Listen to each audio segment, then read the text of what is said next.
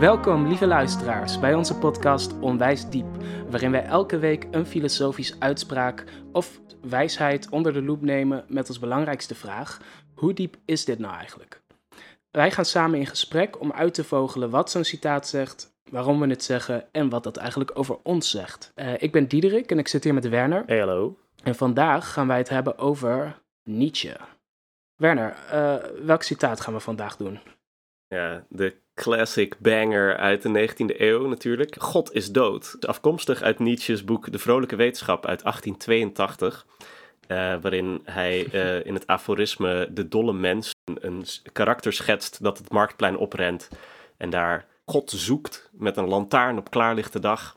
En daar uh, vindt hij dan allerlei atheïsten en die zeggen dan, oh haha, waar heb je hem voor het laatst gezien? En hem een beetje uitlachen om zijn verwilderde voorkomen. En God is dood uh, in ieder geval in die context wordt bedoeld, en dat is ook in ieder geval hoe de filosofen het uh, interpreteren doorgaans, is God wordt een beetje gezien als historisch het fundament van al onze menselijke bezigheden. Uh, het goede, het ware. Dus iemand die als het ware als de garantie fungeert, iets dat als de garantie fungeert van de betekenisvolheid van het leven. ook ons verstand is door God gegeven en daardoor kunnen wij kennis hebben van de werkelijkheid volgens Descartes. Uh, en uh, wat het probleem is, in uh, eh, 1859 kwam een dik boek uit dat um, over biologie ging, maar ironisch genoeg voor de filosofie de meeste impact had. Darwin die bewees, of gaf in ieder geval een heel aannemelijke theorie over hoe het leven niet een scheppingsverhaal is geweest. Het ontstaan van het leven is niet een scheppingsverhaal geweest. wat God allemaal zo als een briljante architect bedoeld heeft, maar eigenlijk uh, is het een, uh, een doelloos proces dat slechts uh, een kwestie van filteren is geweest, waardoor nu deze eigenschappen toevallig zijn overgebleven door natuurlijke selectie. En wat Nietzsche zegt dat daar de consequentie van is, nou ja, we, hebben dus, we kunnen dus nu niet meer geloven in dat fundament van alles wat ons leven op een bepaalde manier zin geeft. En hij heeft het over de aarde die losgekoppeld is van zon en nu oneindig in de leegte valt, zonder boven of onder, richting een oneindig niets, een oneindige nacht. Maar goed, dat citaat God is dood is sinds die tijd natuurlijk enigszins uh, uh, losgerukt, misschien uit die filosofische context. In ieder geval zijn het niet alleen filosofen die het erover hebben. Ik hoor, ik hoor heel veel uh, mensen te pas en te onpas dat af en toe roepen. Ik roep het zelf ook wel eens. En ik denk dat dat is waar we het vandaag over willen hebben. namelijk, hoe wordt het citaat nu eigenlijk gebruikt door atheïsten, christenen enzovoort? En uiteindelijk is natuurlijk de bedoeling van onze bespreking dat we ons dan uh, een antwoord kunnen geven op: mogen we dit nou eigenlijk blijven zeggen? Of is het, uh, is het grote onzin?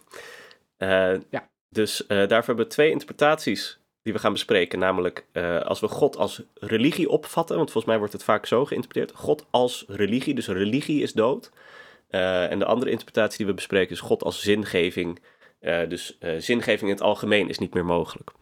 Uh, maar eerst moeten we het natuurlijk hebben over onze eigen relatie met het citaat. Dus uh, Diederik, uh, voor jou het podium om te vertellen over je kledingstijl van vroeger.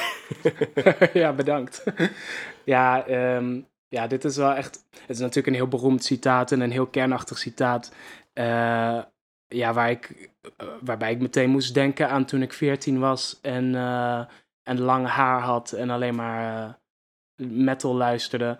En, en, en toen vond ik dit echt een citaat uh, ja, kijk, je, je neemt dan een bepaalde identiteit aan. En daar is een citaat als dit een deel van. Want ehm, het maakt niet uit of je uit een uh, uh, beklemmend christelijk milieu komt of niet. Uh, je weet dat de christelijke traditie iets is waar je tegen bent. En dat um, satanisme iets is waar je graag mee flirt. Ja. Dus als, als ik God is dood hoorde, dan dacht ik... wauw, ja, dat is zo waar. dat is echt, echt heel diep. En het klinkt ook heel, heel cool. Ik heb toen ook uh, uh, al dus sprak uh, Zarathustra uit de biep gehaald. En dat heeft toen een paar weken op mijn nachtkastje gelegen zonder... Ik bedoel, ik begreep... Ik heb, het, ik heb geloof ik geprobeerd om het te lezen, de eerste paar bladzijden. Maar ik begreep daar natuurlijk helemaal niks van. Dus uh, het lag er ook meer als een symbool van waar ik voor stond. Ja, ja, of waarvoor, waarvan ik dacht dat ik ervoor stond. Ja, um, ja dus dat is mijn eerste associatie bij, uh, bij dit citaat. Ja, klopt. Ja, ik heb dus zelf. Ik herken het heel erg. Eh, niet, uh, niet het satanistische gedeelte, denk ik, maar Ik was redelijk, ik heb mijn haar nooit geverfd. En ik heb ook nooit guyliner opgedaan. Uh, dus misschien toch een gemis. Dat waren mooie jeugdfoto's geweest voor later. Maar, uh, ja, goed zo dat je me niet beledigt. Nee, nee. dat ik... ja, ik denk, ik vind nu, uh, vind ik het een mooi citaat, omdat ik filosofiedocent ben. Dan kun je dat af en toe roepen. En dan merk je dat mensen daar altijd toch een soort van, ik werk op een christelijke school.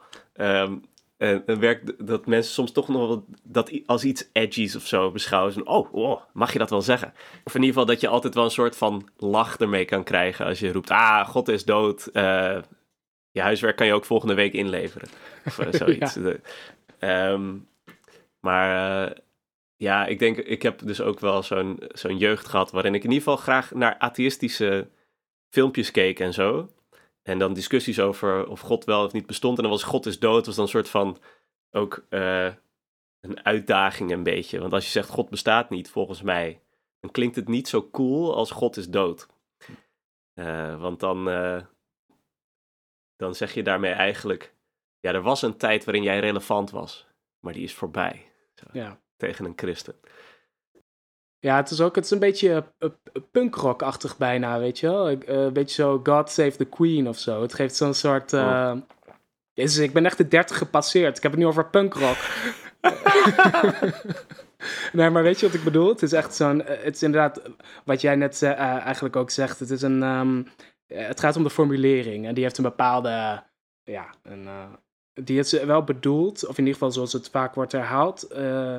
Um, wel bedoeld om een beetje te schokken of in ieder geval om iets om een beetje te, um, in ieder geval te prikkelen. Ja, precies. Nou, ik denk, want we hadden twee interpretaties van tevoren bedacht. Ik denk dat het aansluit bij eh, de interpretatie van God als religie. Uh, God is dood is dan iets wat je tegen christenen zegt, of wat christenen tegen elkaar zeggen over de werkelijkheid. Nou, en dan gaat het gewoon over de uitloop van de kerken. Dus uh, in de God als religie interpretatie gaat het erom dat God eigenlijk niet bestaat en dat de religie dan aan het afsterven is, als het ware. Ja, um, en, en wat daar uh, heel leuk is, uh, wat je wel vaker bij, bij goede citaten hebt, of uh, in ieder geval bij invloedrijke citaten, is dat je ziet dat het door ja, tegengestelde kampen allebei um, enthousiast wordt omarmd. En dan heb ik het ja. hier dus over uh, je kan dit, uh, ik, ik heb het net gevonden op de website van de EO. Um, waar het inderdaad gaat om, oh god, uh, de religie valt uit elkaar. Of dat is iets wat Nietzsche in zijn tijd zag. Um, en ja. aan de andere kant natuurlijk de mensen die zeggen, ja, religie moet nu eindelijk, het, mag, het mag wel eens klaar zijn met die religie. Ik denk, misschien vind ik dan want ik heb het idee dat de, dat de atheïsten het eigenlijk dan zeggen om een beetje te, plagen. En dus om een beetje hun eigen identiteit te bevestigen, misschien zoals wij toen wat jong waren. Maar uh, dat het voor de EO-mensen uh, bijvoorbeeld nog wel serieus iets betekent en een soort van oproep geeft of zo om iets te gaan doen. Uh, wat zouden we zeggen dat dat is? Kijk, de reden dat christenen en hun, en hun uh, of laten we zeggen religieuze mensen of kerkelijke uh, uh, mensen en hun, um, hun rationalistische critici, om ze even een beetje te stereotyperen. Laten we zeggen, ze zijn het over één ding eens. Er is secularisering. Ja. De, de, weet je wel, ja, de, iedereen is het erover eens dat er... gaan minder mensen naar de kerk. Precies. En de ene, ene groep zegt, en dat is iets goeds. En de andere groep zegt, dat vinden wij heel jammer. Maar je kan je natuurlijk ook afvragen of dat eigenlijk wel klopt.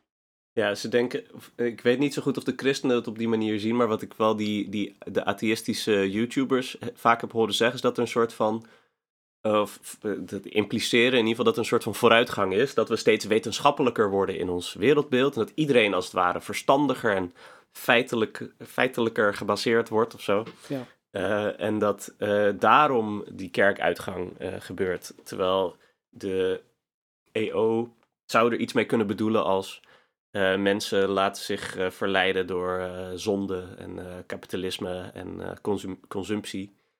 en meer van dat soort dingen. En daarom zijn ze niet meer geïnteresseerd in de ware vragen van het leven. Maar ze, ze zijn eigenlijk vervallen door hun lichamelijke behoeften en vergeten dan hun geestelijke behoeften of zo.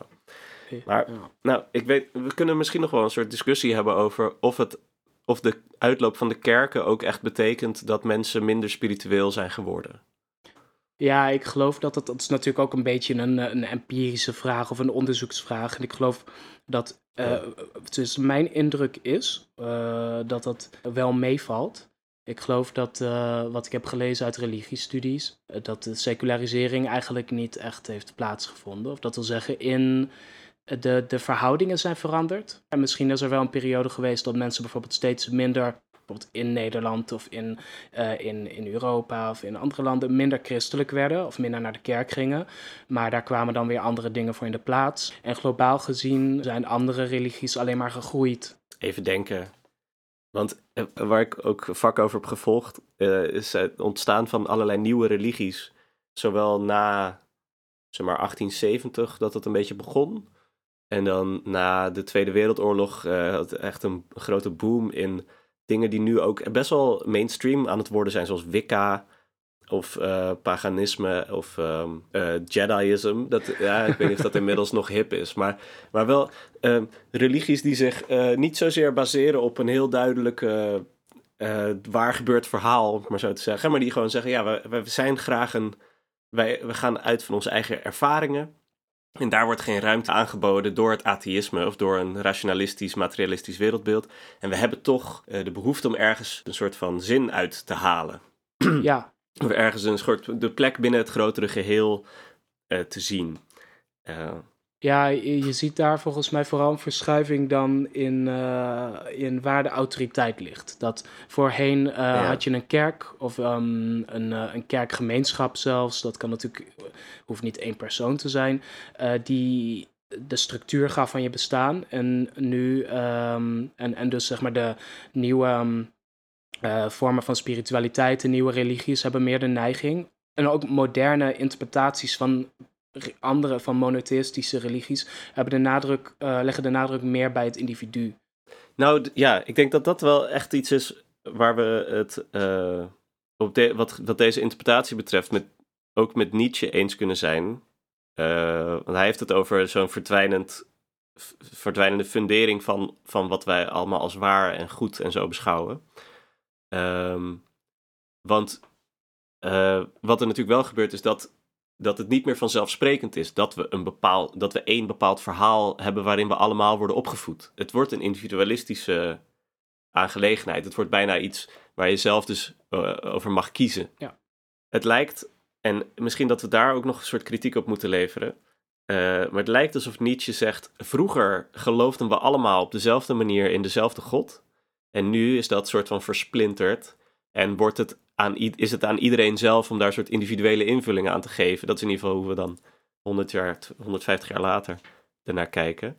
Uh, en de vraag of er vroeger een soort van gemeenschappelijk zinsverhaal was, ja, wel meer dan nu.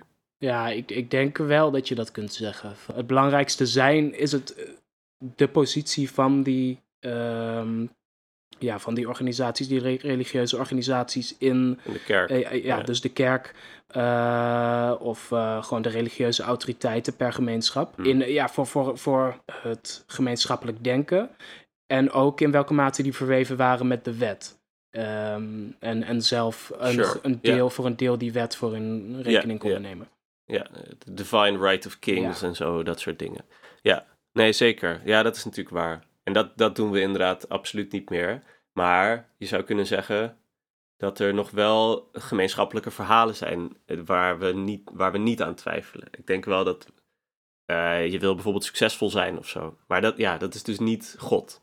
En, en in zoverre lijkt dat een soort van aan strohalmen vast proberen te houden.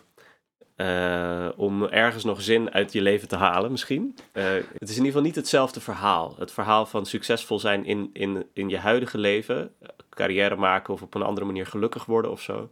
Ja, je hebt daarin ook Denk wel ik. een soort ehm, verschuiving van, eh, van nadruk naar het, deze wereld. Dat zeggen, dat is denk ik ook voor Ja. Nietzsche een belangrijk aspect, toch? Van de mensen zijn misschien ook nou, ze wachten in ieder geval niet meer eh, ehm, om, om naar de hemel te gaan. Die, als, ja, als je, dit was ook iets heel belangrijks, uh, een, een heel belangrijk idee in het algemeen in de cultuur. Wat je veel ziet bij ethische, religieuze ethische theoretici, is dat ze zeggen: ja, als mensen niet meer in God in de hemel geloven, dan krijg je een soort wilde natuurtoestand. En dan hun idee van wat die toestand is, waarbij iedereen elkaar de hersens inslaat. Want het is dat geloof in de hemel dat ervoor zorgt dat mensen Weet je wel, dus de, het... het uh, In dit leven braaf zijn. Precies, want ze krijgen een beloning op den duur. Ja, ja, juist. Ja, en, en eh, het klopt wel dat we het nu in ieder geval duidelijk overtuigd zijn dat we die rechtvaardigheid dan maar moeten zoeken in deze wereld en niet in de volgende. Ja. ja. Ik denk dat we van hieruit best goed door kunnen naar een meer brede opvatting van God als zingeving. Want uh, dat is natuurlijk de andere interpretatie eraan kan geven dat het niet zozeer gaat om een gemeenschappelijk religieus verhaal. Dus in die, in die zin geven we de EO gelijk, uh, en Nietzsche ook, van ja, het klopt dat religie minder gemeenschappelijke aangelegenheid is. Maar lijken wij dan in ieder geval te zeggen van nou, mensen hebben alsnog behoefte aan zingeving, uh, maar dan bedoelen we God dus als uh, zingeving is niet langer mogelijk. En dan, ik weet niet, is dat zo? Dat, dat ben ik wel serieus benieuwd naar. Is het nou zo dat op het moment dat je in een materialistisch, deterministisch universum gelooft, of, of, althans, als je de wetenschappelijke bevindingen over uh, deeltjes en sterren en oorzakelijkheid of zo, en het brein en uh, evolutie, als je die allemaal bij elkaar gooit, blijft er dan geen ruimte over voor zingeving? Ik, dat vind ik een heel rare conclusie eigenlijk. Ja, nee, ja, inderdaad. Mensen zijn vaker gaan zeggen mensen maken hun eigen zin. En dat is bijvoorbeeld iets waarvan ik nooit helemaal weet wat het nou betekent. Van hoe maak je zin? Wat is dat? Uh, wat houdt dat um, concreet eigenlijk in? Met een kerk of een, een, een soort heel helder kader van normen en, en, en bepaalde waarden en deugden, kan ik me daar meer bij voorstellen. Dan is het van, oké, dit is wat ik moet doen, want, want, want, ja. En dat krijg je niet in je eentje, dat kan je niet in je eentje maken. Precies. Dus dan, uh, ja, de vraag is, is zin, misschien kun je het op die manier uh, je afvragen, uh, is er zoiets als individuele zin?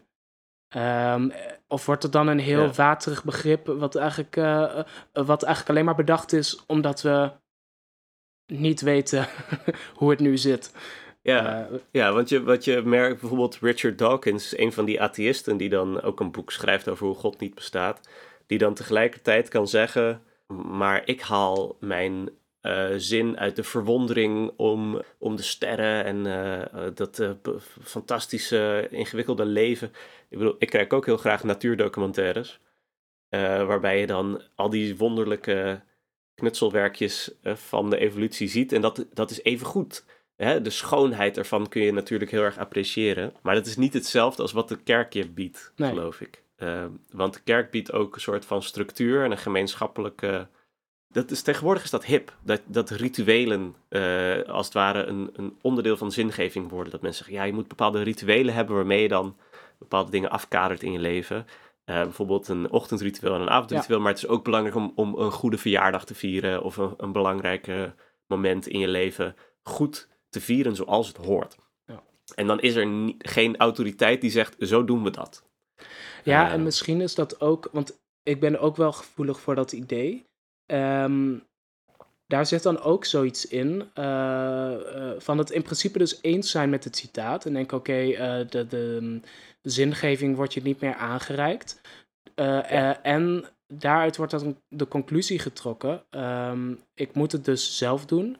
Dus als ik ja. bijvoorbeeld geen rituelen over uh, in de traditie ja. aangereikt krijg, dan uh, moet ik gewoon nieuwe tradities maken. Wat jij vraagt is ook wat Nietzsche voorstelt. Hè? We moeten zelf tot goden worden en dan zelf onze zin geven aan de wereld. Om dat is dan de wat, uh, ja, wat explicietere variant daarvan. Zo'n zelfgoden moeten worden. Ik weet niet of de meeste mensen dat nu, als ik denk aan mijn um, vrienden en kennissenkringen en, en bijvoorbeeld um, mensen die zo'n beetje uh, bezig zijn met spiritualiteit, uh, dat die zichzelf yeah. niet per se als goden zien. Ze zijn ook wel op zoek, bijvoorbeeld je ziet ook wel dat mensen dan op zoek zijn soms juist weer naar een autoriteit buiten zichzelf. Als je bijvoorbeeld kijkt naar horoscopen, astrologie yeah. en hoe dat populairder is geworden onder, uh, ja, in ieder geval in mijn yeah. kennissenkring. Je wil niet dat alles op jou aankomt van jouw leven. Dat jij zelf helemaal verantwoordelijk bent voor alles Ja. wat er goed en slecht aan gaat. En dat is wel waar soms stress uit voortkomt. En ook het idee dat jij zelf je eigen zin moet maken, eh, is, is daar een onderdeel van. Ehm, Ja, want ik heb daar wel eens eh, me slecht over gevoeld. Dat ik dacht van, Maar- ehm, eh, jeetje, waar geloof ik eigenlijk in? En dan ging ik nadenken, wat geloof ik, wat geloof ik? En dan kon ik niks vinden waarvan ik echt kon zeggen van, dit is waar ik ehm, zonder enige uitzondering voor sta. Of, of waar ik, weet je? Ja. Ja, het is ook, ik vind het ook op een bepaalde manier altijd heel bijzonder als ik iemand ke- leer kennen die zichzelf echt eh, labelt als iets. Ik ben Ja. christen, of ik ben heks, of ik ben eh, eh, paganist, of zoiets. Dan denk ik altijd, goh, nou, dan heb jij echt een heel ander leven meegemaakt dan ik. Want ik, ik heb de hele tijd, zie ik al die andere opties. En dan denk ik, nou, oké, ze zullen allemaal leuk zijn. Waarom zou ik er eentje kiezen? Eh, De, de term eh, window shopping religions Right. eh, is echt, echt Ja. ingeburgerd in de religiewetenschappen, geloof ik. Ik kan me dat ook herinneren uit een artikel dat ik over, over Maar- nieuwe vormen van religie. Dat wat heel typerend is, is dat het heel eclectisch is. Dat het veel samengeraapt is. ge- of geleend ook uit andere tradities. Er is zoiets, doordat er geen gemeenschappelijk verhaal is, eh, zoals in het christelijke middeleeuwse Europa, zeg maar, eh, wordt- komt het meer op het individu aan. Maar dan is het nog de vraag of God dood is. Want God is dan dus een gemeenschappelijk soort ding. eh, of je moet de God in jezelf zien te vinden, lijkt dan de, de oproep. En waar wij het een beetje over eens lijken te zijn, is dat God niet zo heel makkelijk in jezelf te vinden is. Of in ieder geval dat je niet eh, van jezelf kunt verwachten dat je de hele tijd alles zelf uitvogelt. En dat met name zoiets als zingeving aan je leven iets is waar je ook afhankelijk bent een beetje van de erkenning of de meewerking of zo van andere mensen. Of, de, of het aanreiken van anderen. Oké, hey, laten we dan doorgaan naar gewoon eh, de eindvraag. Mogen we dit citaat eigenlijk blijven zeggen? Is, eh, klopt er iets van? Of moeten we mensen die het zeggen straffen? Ja, moeten ze op de brandstapel. Ja. Eh, ja, het is een goede vraag. Dat vind ik met dit citaat eh, moeilijk. Eh, omdat het op zoveel manier, verschillende manieren wordt gezegd. Laten we zeggen, we kunnen sowieso concluderen dat het als citaat uitermate succesvol is. Omdat mensen er zoveel mee kunnen. Absoluut. Ja, ja. Dus Ehm, zeker diep. Ja. Heb jij daar een sterk gevoel over? Vind jij dit, vind jij dit slim of dom? ja, ik weet niet, het kan als beginpunt fungeren misschien van een gesprek over eh, zingeving, wat dan wel weer belangrijk is. Omdat je eh, zingeving volgens mij wel als iets collectiefs moet zien. Dan moet je er dus een soort gesprek over kunnen hebben, bijvoorbeeld. Ja, Zo, we hebben het. Kun je dat zo zeggen? Ja. Ja, ik denk het wel. En ik denk, ik realiseer me dat we het eigenlijk niet echt hebben gehad over die tweede helft. En wij hebben hem vermoord. Daar zit natuurlijk ook alweer zo'n ehm, element van verantwoordelijkheid in. Dat het een, eh, een, een constatering was van Nietzsche over wat er gaande was in zijn tijd. En ehm, ja, dat, dat het een eh, formulering is van een probleem. Dat mensen het gevoel hebben dat er geen zingeving wordt aangereikt. Want dat kun je wel zeggen, denk ik. Ja. Ehm, en eh, ja, dat je daar iets mee moet. Of dat het de moeite waard is om daar iets mee te doen. Ja. En dat niemand het voor, niemand het voor ons gaat doen. Door wij hebben hem vermoord. Goed. Eh, moeten we het nog een cijfer geven? Deze vind ik moeilijk. Ik zou zeggen eh, van mij. Echt afhankelijk van wie het zegt. Hè? ja, inderdaad. Af, afhankelijk van eh, hoe, hoe. Tieners die hem zeggen, vijf. Eh, precies. Toen ik 14 was, geef ik mezelf voor het zeggen van dit citaat een, een 3. Maar als iemand er een, vervolgens een goed gesprek over heeft. Nou, weet je, ik, ik zou zeggen als citaat, op grond van wat ik eerder zei, het is een heel succesvol citaat, geef ik het wel een 8 of een 9. Omdat het gewoon zo'n citaat is waar je heel veel in kan vinden en waar je ook heel veel mee kan. En ehm, of dat nou bedoeld is door de auteur, blijkbaar sloeg het aan. ja, ja, ja. Goed. goed. Dank voor het luisteren. Ja, dankjewel. Zo. En waar gaan we het volgende keer over hebben? De volgende week eh, gaan we het hebben over eh Heraclitus, geloof ik. Ja, ja. Het karakter van een mens is zijn lot. Eh, tot de volgende keer. Tot de volgende keer. En bedankt voor het luisteren. Later.